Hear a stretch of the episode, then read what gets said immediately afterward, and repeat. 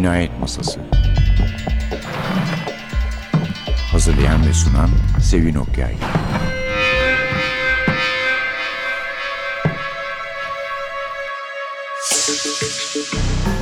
Merhaba, NTV Radyo'nun Cinayet Masası programına hoş geldiniz. Bugün size daha önce bir ya da iki kere program konusu ettiğim bir polisiye yazarı sunacağım. Ama yani şöyle söyleyeyim hani bir 15-16 yıl 15 yıl sanıyorum içinde bir iki kere. Dick Francis yazarımız kendisi genellikle atlarla ilgili konular üzerine yazar. Daha çok yarışlarla ilgili şeyler, jokeyler, o sanayi yani yarış sanayi ama bazen de yani bazen derken neredeyse yarısında da bambaşka konulara gidebilir. Mesela cam üfürme sanatı hakkında bilgi ediniriz. Başka çeşitli meslekleri benimsemiş insanlar üzerine yazılan bir kitap olabilir. Çünkü Dick Francis'in diğer polisiye yazarlar gibi serisi yok. Yani en fazla seride en fazla ileri gittiği iki tane karakteri var. Kit Fielding iki kitabı var. Sid Haley üç kitabı var. Biz de bugün size Haley kitaplarından bölüm okuyacağız. Hep farklı insanlar yazmış. O insanlar mesela bu yarış sanayiyle ilgili olsa da diyelim ki atları oradan oraya yarıştan ahıra ahırdan yarışa taşıyan vasıtaların işletilmesiyle ilgili insanlar olmuş. Bu işte çalışmışlar. Dediğim gibi cam üflemişler ve bu konulara ilişkin olarak Dick Francis çok araştırma yapmış. Çok araştırma yapan bir yazar. Gerçi karısı Mary'nin bu araştırma konusunda ona çok yardımcı olduğu söylenirdi. Sonralarda e, küçük oğlu Felix'in zaten son kitaplarını Felix'le birlikte yazdılar. Herhalde başından sonuna kadar alıp araştırmaları da dahil bir kitabı yapıp bitirmek ona artık zor geliyordu. Yazmak dışındaki mesleğine gelince kendi mesleğine sabık bir jokey. 1953 ilk parlak sezonu o yıl ana kraliçenin atlarını eğiten Peter Cazalet'in atlarına binmiş yani kraliçenin atlarına. Babası da jokey olduğu için bu aleme girmek ona çok kolay gelmiş. Bu dünyanın içinden yetişmiş. 1957 yılına kadar ana kraliçenin atlarına bindi. 8 kere meşhur Grand National yarışına katıldı. 1956'da tam ana kraliçenin divan lohuyla kazanmak üzereyken at birden yere yığıldı. Bir yıl sonra bundan yeniden ciddi bir şekilde düşünce e, yarışmamasını teklif ettiler. Daha önce e, öz yaşam öyküsünü yazma teklifi almıştı. E, ikinci düşüşten sonra yarışmayı bırakma kararı aldı ve aynı yılda öz yaşam öyküsü The Sport of Queens'i tamamladı.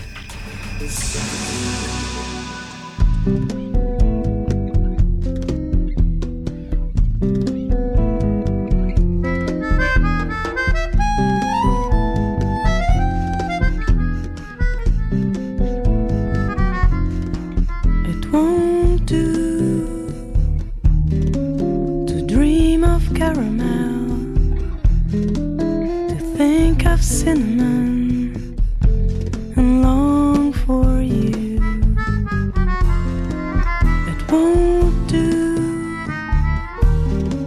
to stir a deep desire to find a hidden fire.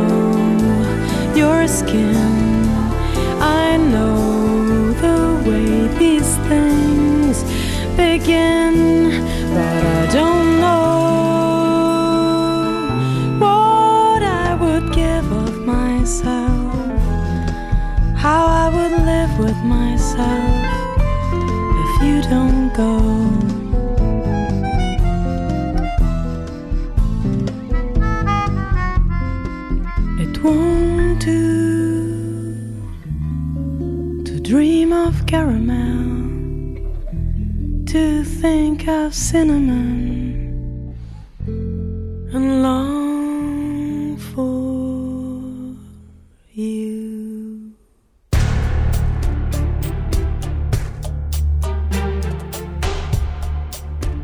Vurulup hem işimi hem de canımı kaybetmeme ramak kalan güne kadar işim konusunda çok da hevesli sayılmazdım.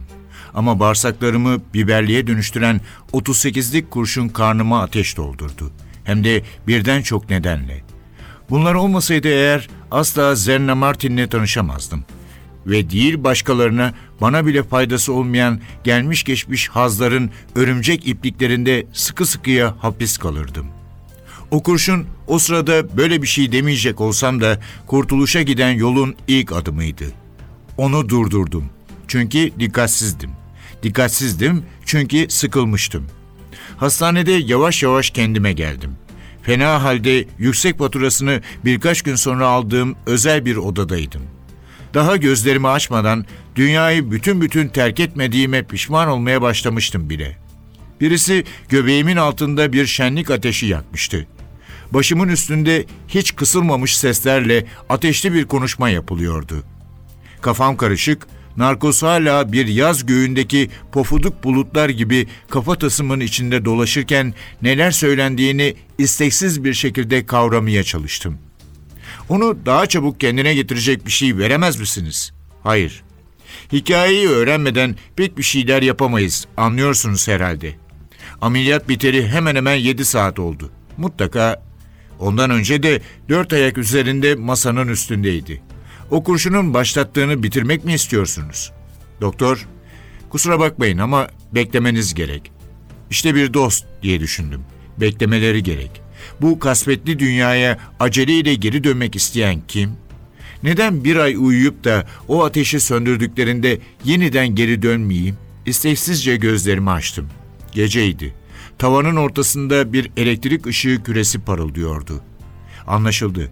Jones çocuk beni hala büronun muşambası üzerinde hafif hafif kan kaybederken bulup telefona gittiğinde sabahtı. Anlaşılan o ilk mübarek iğneyi koluma batırdıklarından bu yana 12 saat kadar geçmiş. Acaba diye düşündüm. Paniğe kapılmış, etkisiz küçük bir sahtekarın farkına varılmadan ülke dışına kaçması için 24 saatlik bir avans yeterli midir? Sol tarafımda iki polis vardı. Biri üniformalıydı, biri de sivil. İkisi de terliyordu. Oda sıcaktı çünkü. Doktor sağ tarafta durmuş, bir şişeden dirseğime uzanan bir tüple oynuyordu. Kısmen ince bir çarşafla örtülmüş karnımdan birçok başka tüp iğrenç biçimde fışkırmıştı. Boşaltma ve doldurma diye düşündüm alaycı alaycı. Aman ne hoş. Redner tıpla kanun arasında halen sürdürülen tartışmaya katılmaksızın yatağın ayak ucundan beni gözlüyordu. Doğrusu patronun yatağımın yanında hazır bulunacağı aklıma gelmezdi. Ama belki de yanında çalışanlardan biri her gün kendini böyle esaslı bir belaya bulaştırmadığı içindir. Dick Francis kahramanımız Sterlin'in dahil olduğu kitaplardan bölümler okuyoruz. Bir Kit Fielding var. Francis'in iki ayrı kitabında kahraman baş karakteri olan kişi.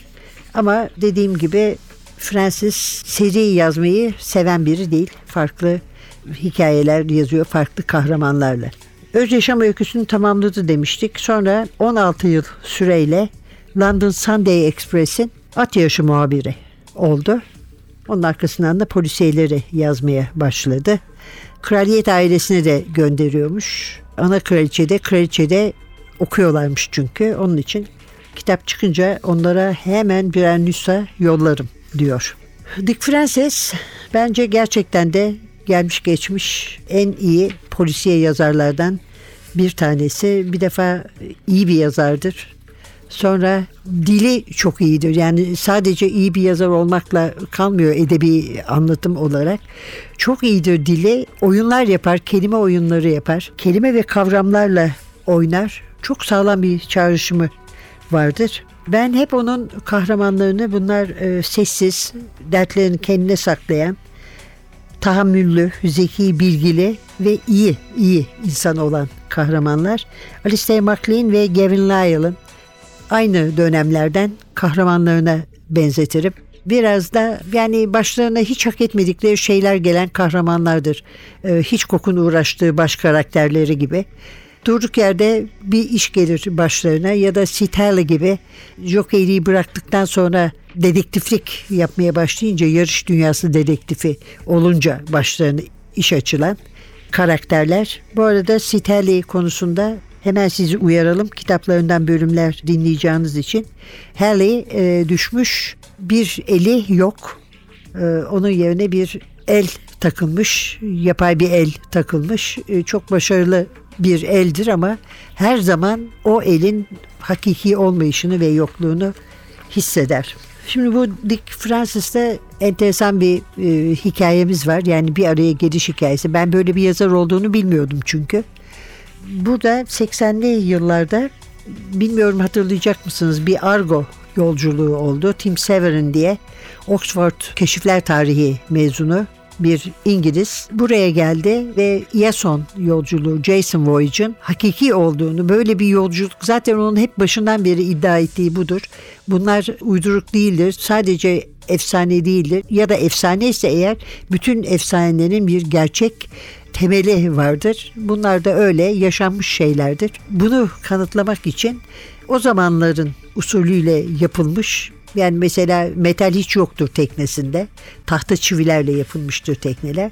Bir tekne yaptırdı Argo diye ve onunla birlikte gönüllü mürettebatıyla Yunanistan'dan Türkiye'ye Karadeniz boyunca ta Sarp kapısı hizasına Hopa'ya oradan da Gürcistan'a gitti.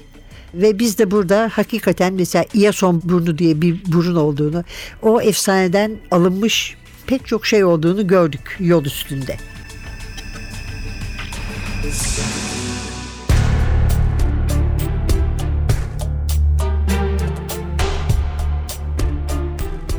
Yeniden kendine geldi dedi. Gözleri de o kadar dumanlı değil. Belki bu sefer ağzından mantıklı bir şeyler alabiliriz. Saatine baktı. Doktor üstüme eğildi, nabzımı tuttu. Olur anlamında başını salladı. Beş dakika öyleyse. Bir saniye fazlası olmaz. Sivil polis Redner'dan bir salise önce davrandı. Sana kimin ateş ettiğini bize söyleyebilir misin? Konuşmak bana yine de şaşılacak kadar zor geliyordu.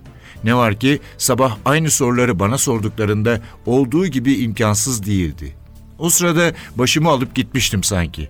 Şimdi ise belli ki geri dönüş yolundaydım. Öyle de olsa ben cevap vermeyi başarana kadar polis sorusunu birkaç kere daha tekrarlamak, sonra da biraz beklemek zorunda kaldı. Andrews. Polis için bir şey ifade etmedi ama Redner şaşırmış, aynı zamanda da hayal kırıklığına uğramış görünüyordu. Thomas Andrews mu? dedi. Evet. Redner durumu polise açıkladı. Size Halley ile dedektiflerimizden bir başkası soruşturduğumuz bir gözdağı olayını açığa çıkarmak için tuzak kurdular demiştim. Büyük bir balık bekliyorlardı sanırım. Ama anlaşılan bir yavru balık yakalamışlar. Andrews önemsiz biridir. Getir götür işlerinde kullandıkları zayıf karakterli bir delikanlı. Silah taşıyacağı aklımın kıyısından geçmezdi. Değil kullanmak. Benim de. Tabancayı beceriksizce ceketinin cebinden çıkarmış, benim yönüme titrek bir şekilde doğrultmuş ve tetiği çekmek için iki elini birden kullanmıştı. Yemi yoklamaya gelenin sadece Andrews olduğunu görmüş olmasaydım, gecenin birinde Hunt Redner ve ortaklarının Cromwell Road'daki yerine izinsizce dalarak onu halletmek için tuvaletin karanlığından ihtiyatsızca salına salına gelmezdim. Bana herhangi bir şekilde saldıracağına ihtimal vermemiştim. Hepsi bu. Tabancayı kullanmaya aniden niyetli olduğunu, hava olsun diye sağa sola sallamadığını anladığımda ise iş işten geçmişti. Kurşun bana değdiğinde daha elektrik düğmesini çevirmeye yeni başlamıştım. Çapraz biçimde vücuduma girdi, çıktı. Etkisi beni önce dizüstü çöktürdü, sonra da yere yapıştım. Ben düşerken o kas katı bacaklarla bağırarak gözleri bembeyaz, fal taşı gibi açılmış kapıya koştu. Yaptığı şeyden o da neredeyse benim kadar korkmuştu. Kuzey Londra Özel Sanat Okulu'na telefon edip Chico Barnes'ı istedim. Bir ses sert sert judo dersi veriyor dedi. Ama sınıfı bu saatlerde biterdi. Bir dakika bekleyin. Bekledim. Sağ elim direksiyonda, solu telefonda, ön camda bir yağmur damlası, arabamı Londra'ya sürüyordum. Araba direksiyon kenarının ön tarafına bir buton eklenmesiyle tek elle kullanıma uygun hale getirilmişti. Alo, Chico'nun sesi neşeliydi. Tek kelimede bile genellikle umursamaz olan dünya görüşünü tam olarak yansıtıyordu.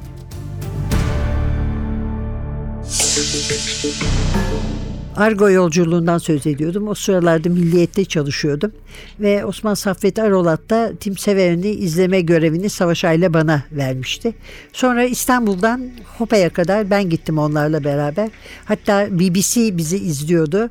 Özel bir izin aldılar ve Sarp kapısından da geçtik o münasebette. Şimdi bu çocuklar Bunlar gönüllü, meslekleri olan, saygın meslekleri olan İngiliz, İrlandalı argonotlar, çocuklar ve işte okumayı seviyorlar. Bir de sadece kürek ve yelken kullandığı, motor kullanmadığı için böyle oraları buraları savruldukları zaman kitap okuyorlar teknede.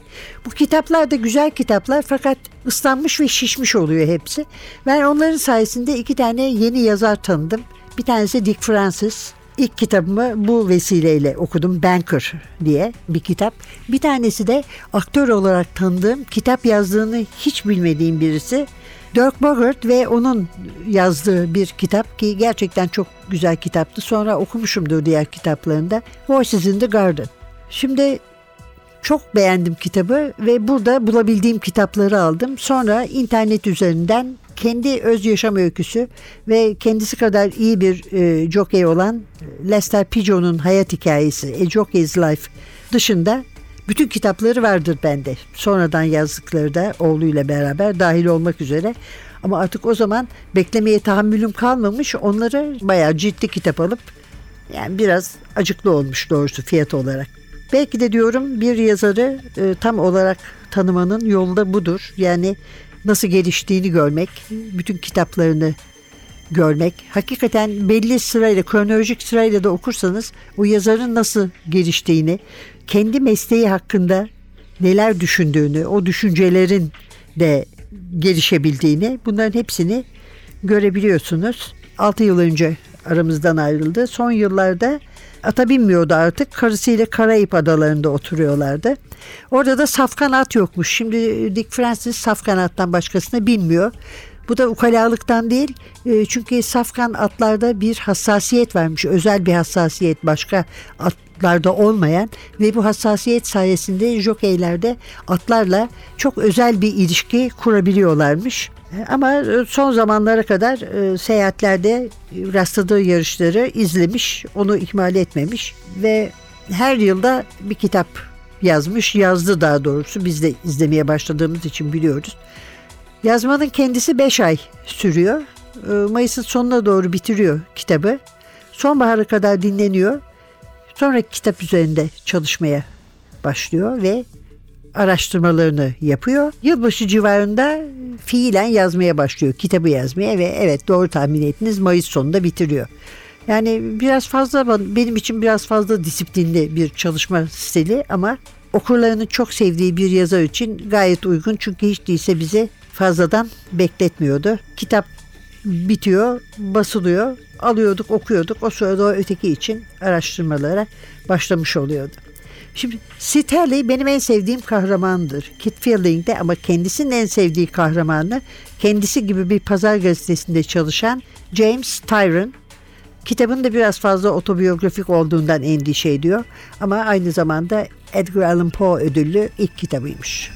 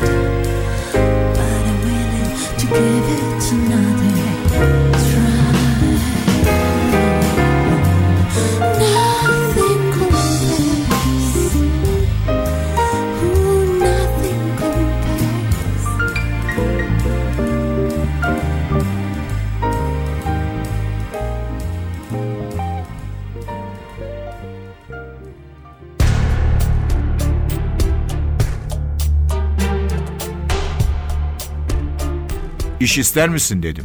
Evet. Sırıtışı telefon hattını aşıp dost doğru bana geldi. Geçen hafta ölü gibi sessiz geçti. Daireme gelir misin? Orada buluşuruz. Fazladan bir dersim var. Bana kakaladılar. Başka birinin iri yarı şişman hanımlarla olan akşam dersi. Hastalanmış. Hiç şaşmam. Nereden arıyorsun sen? Arabadan. Campton'dan Londra'ya geliyorum. Roehampton'a uğrayacağım. Kol bacak merkezine. Çünkü yolumun üstünde. Ama diyelim bir buçuk saatte okulunun dışında olurum. Seni alırım tamam mı? Tabii dedi. Niye gidiyormuşsun kol bacak merkezine? Alan Stevenson'ı görmek için. Eve gitmiştir bile. Orada olacağını söyledi. Kaç saate kadar çalışacakmış? Kolun yine acıyor mu? Hayır. Başka mesele. Vida filan işte. Evet dedi. Tamam görüşürüz öyleyse. Chico'nun insanda hemen hemen her zaman uyandırdığı bir tatmin hissiyle telefonu kapattım. İş arkadaşı olarak onu müthiş buluyordum. Burası kesin. Komik, yaratıcı, azimli ve karşısındakini anlatacak kadar kuvvetli. Birçok serseri bir çocuk tebessümüne sahip olan genç Narin Çiko'nun 120-130 kiloluk bir adamı büyük bir kolaylıkla omzunun üzerinden aşırabildiğini çok geç keşfetmiştir. Onu ilk tanıdığımda benim gibi yeni mesleğimi öğrendiğim Redner Dedektiflik Ajansı'nda çalışıyordu. Bir ara benim de o ajansın önce ortağı, sonunda da sahibi olma şansım doğmuştu. Ama Redner'la ben anlaştığımız ve hatta şirket adını Redner Halley olarak değiştirdiğimiz halde hayat deprem misali bir büyük değişim göndermiş, işlerin başka türlü gelişeceğine karar vermişti. Ortaklık anlaşmasının imzaya hazır oluşundan bir gün önceydi herhalde. Maddi konular ayarlanmıştı. Şampanya buza doğru yaklaşıyordu ki Redner sessizce uyuklamak için evindeki koltuğa oturmuş ve bir daha uyanmamıştı. Kanada'dan hemen sakin gergin lastik bantla gönderilmiş gibi varlığından haberdar olmadığımız bir yeğen çıka geldi. Elindeki vasiyetnameyi sallıyor, haklarını talep ediyordu. Dobra dobra mirasının yarısını özellikle de üzerinde anlaşılmış fiyata tek elli bir jokeye satmak istemediğini söyledi. Kendisi işi devralacak, her şeye yeni bir soluk katacaktı. Cromwell yolundaki bomba hasarlı eski köhne yerde değil, yepyeni modern bürolarda çalışacaktı. Ve bu transferden hoşlanmayan herkes ayaklarıyla oy kullanabilirdi.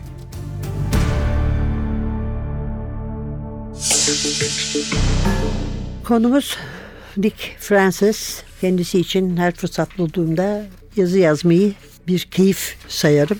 Bu sefer program oldu. Bu da sanıyorum üçüncü Dick Francis programımız. Ama ikincisi herhalde ölümü münasebetiyleydi. İlkini yaptığımızda yaşıyordu. Bize yeni kitaplar yazıyordu. Hatta ne yazdığını bile galiba söyleyebiliyorum. Shattered gelmişti o sıralarda. Benim ilk hardcover ciltli Francis'im olarak. Bir yandan da bir e, sahafta bulunan Knockdown'u bekliyormuşum. Gerçi Jockey's Life için de söz vermişlerdi ama hani bende olmayan biyografisi. O fos çıktı demek zorundayım. Efendim neler var? Başka bir önce şöyle bir hayatına bakalım isterseniz. 1920'de doğmuş 8 yaşında bir at şovunda gösterisinde ata binerek başlamış bu hayata. 1953-54'te şampiyon jokey. E, meslek hayatı boyunca 2305 yarışa katılmış. 350 kere birinci olmuş. Daha önce de söylemiştim 8 kere Grand National yarışına. Önceleri düz koşularda atlara biniyormuş. Sonra engelliye başladı ve bir daha da bırakmadı. 37 yaşında jokeylikten ayrıldıktan sonra Sunday Express için London Sunday Express dediğimiz gibi at yarışı muhabirliği yapmaya başladı. 42 tane best seller gerilim kitabı yazdı. Yani birinci sınıf ödüller kazandı en iyi ödülleri. Polisiye Yazarları Derneği Cartier Elmas Hançeri Edgar ödülü en iyi roman için e, hangileriyle aldı? For Feet, Whip Hand and ve Come to Grief ile aldı. İlk kitabı kendi öz yaşam öyküsü dediğimiz gibi The Sport of Queens. Son romanlarını da oğlu Felix'le birlikte yaptı. Felix diyor ki zaten babasının daha önceki kitaplarının araştırmasına o da destek olmuş, yardımcı olmuş.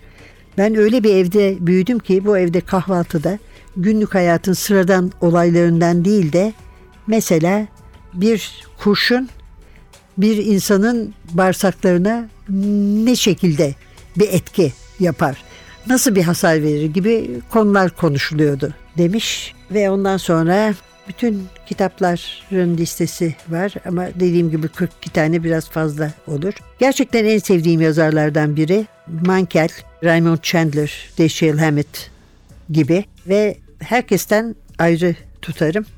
Bilmiyorum atlardan hoşlanıyor musunuz? Hoşlanıyorsanız kitapları da seveceksiniz ama e, atlara sadece güzelleme yazıldığını sanmayın. Kötü insanlar onları kötü şeylerde yapabiliyor ve Dick Francis gerçekten iyi bir insan olarak kötüleri eksiksiz biçimde tarif edebiliyor. Evet efendim bugünlük de bu kadar. Önümüzdeki hafta yeniden buluşmak umuduyla mikrofonda Sevin, masada Atilla, kitaplardan benim çeviri bölümlerimden daha doğrusu parçalar okuyan arkadaşımız Suha Çalkivik hepinize heyecan dolu ve çok hareketli at hızıyla, yarış atı hızıyla bir hafta geçirmenizi dileriz. Hoşçakalın.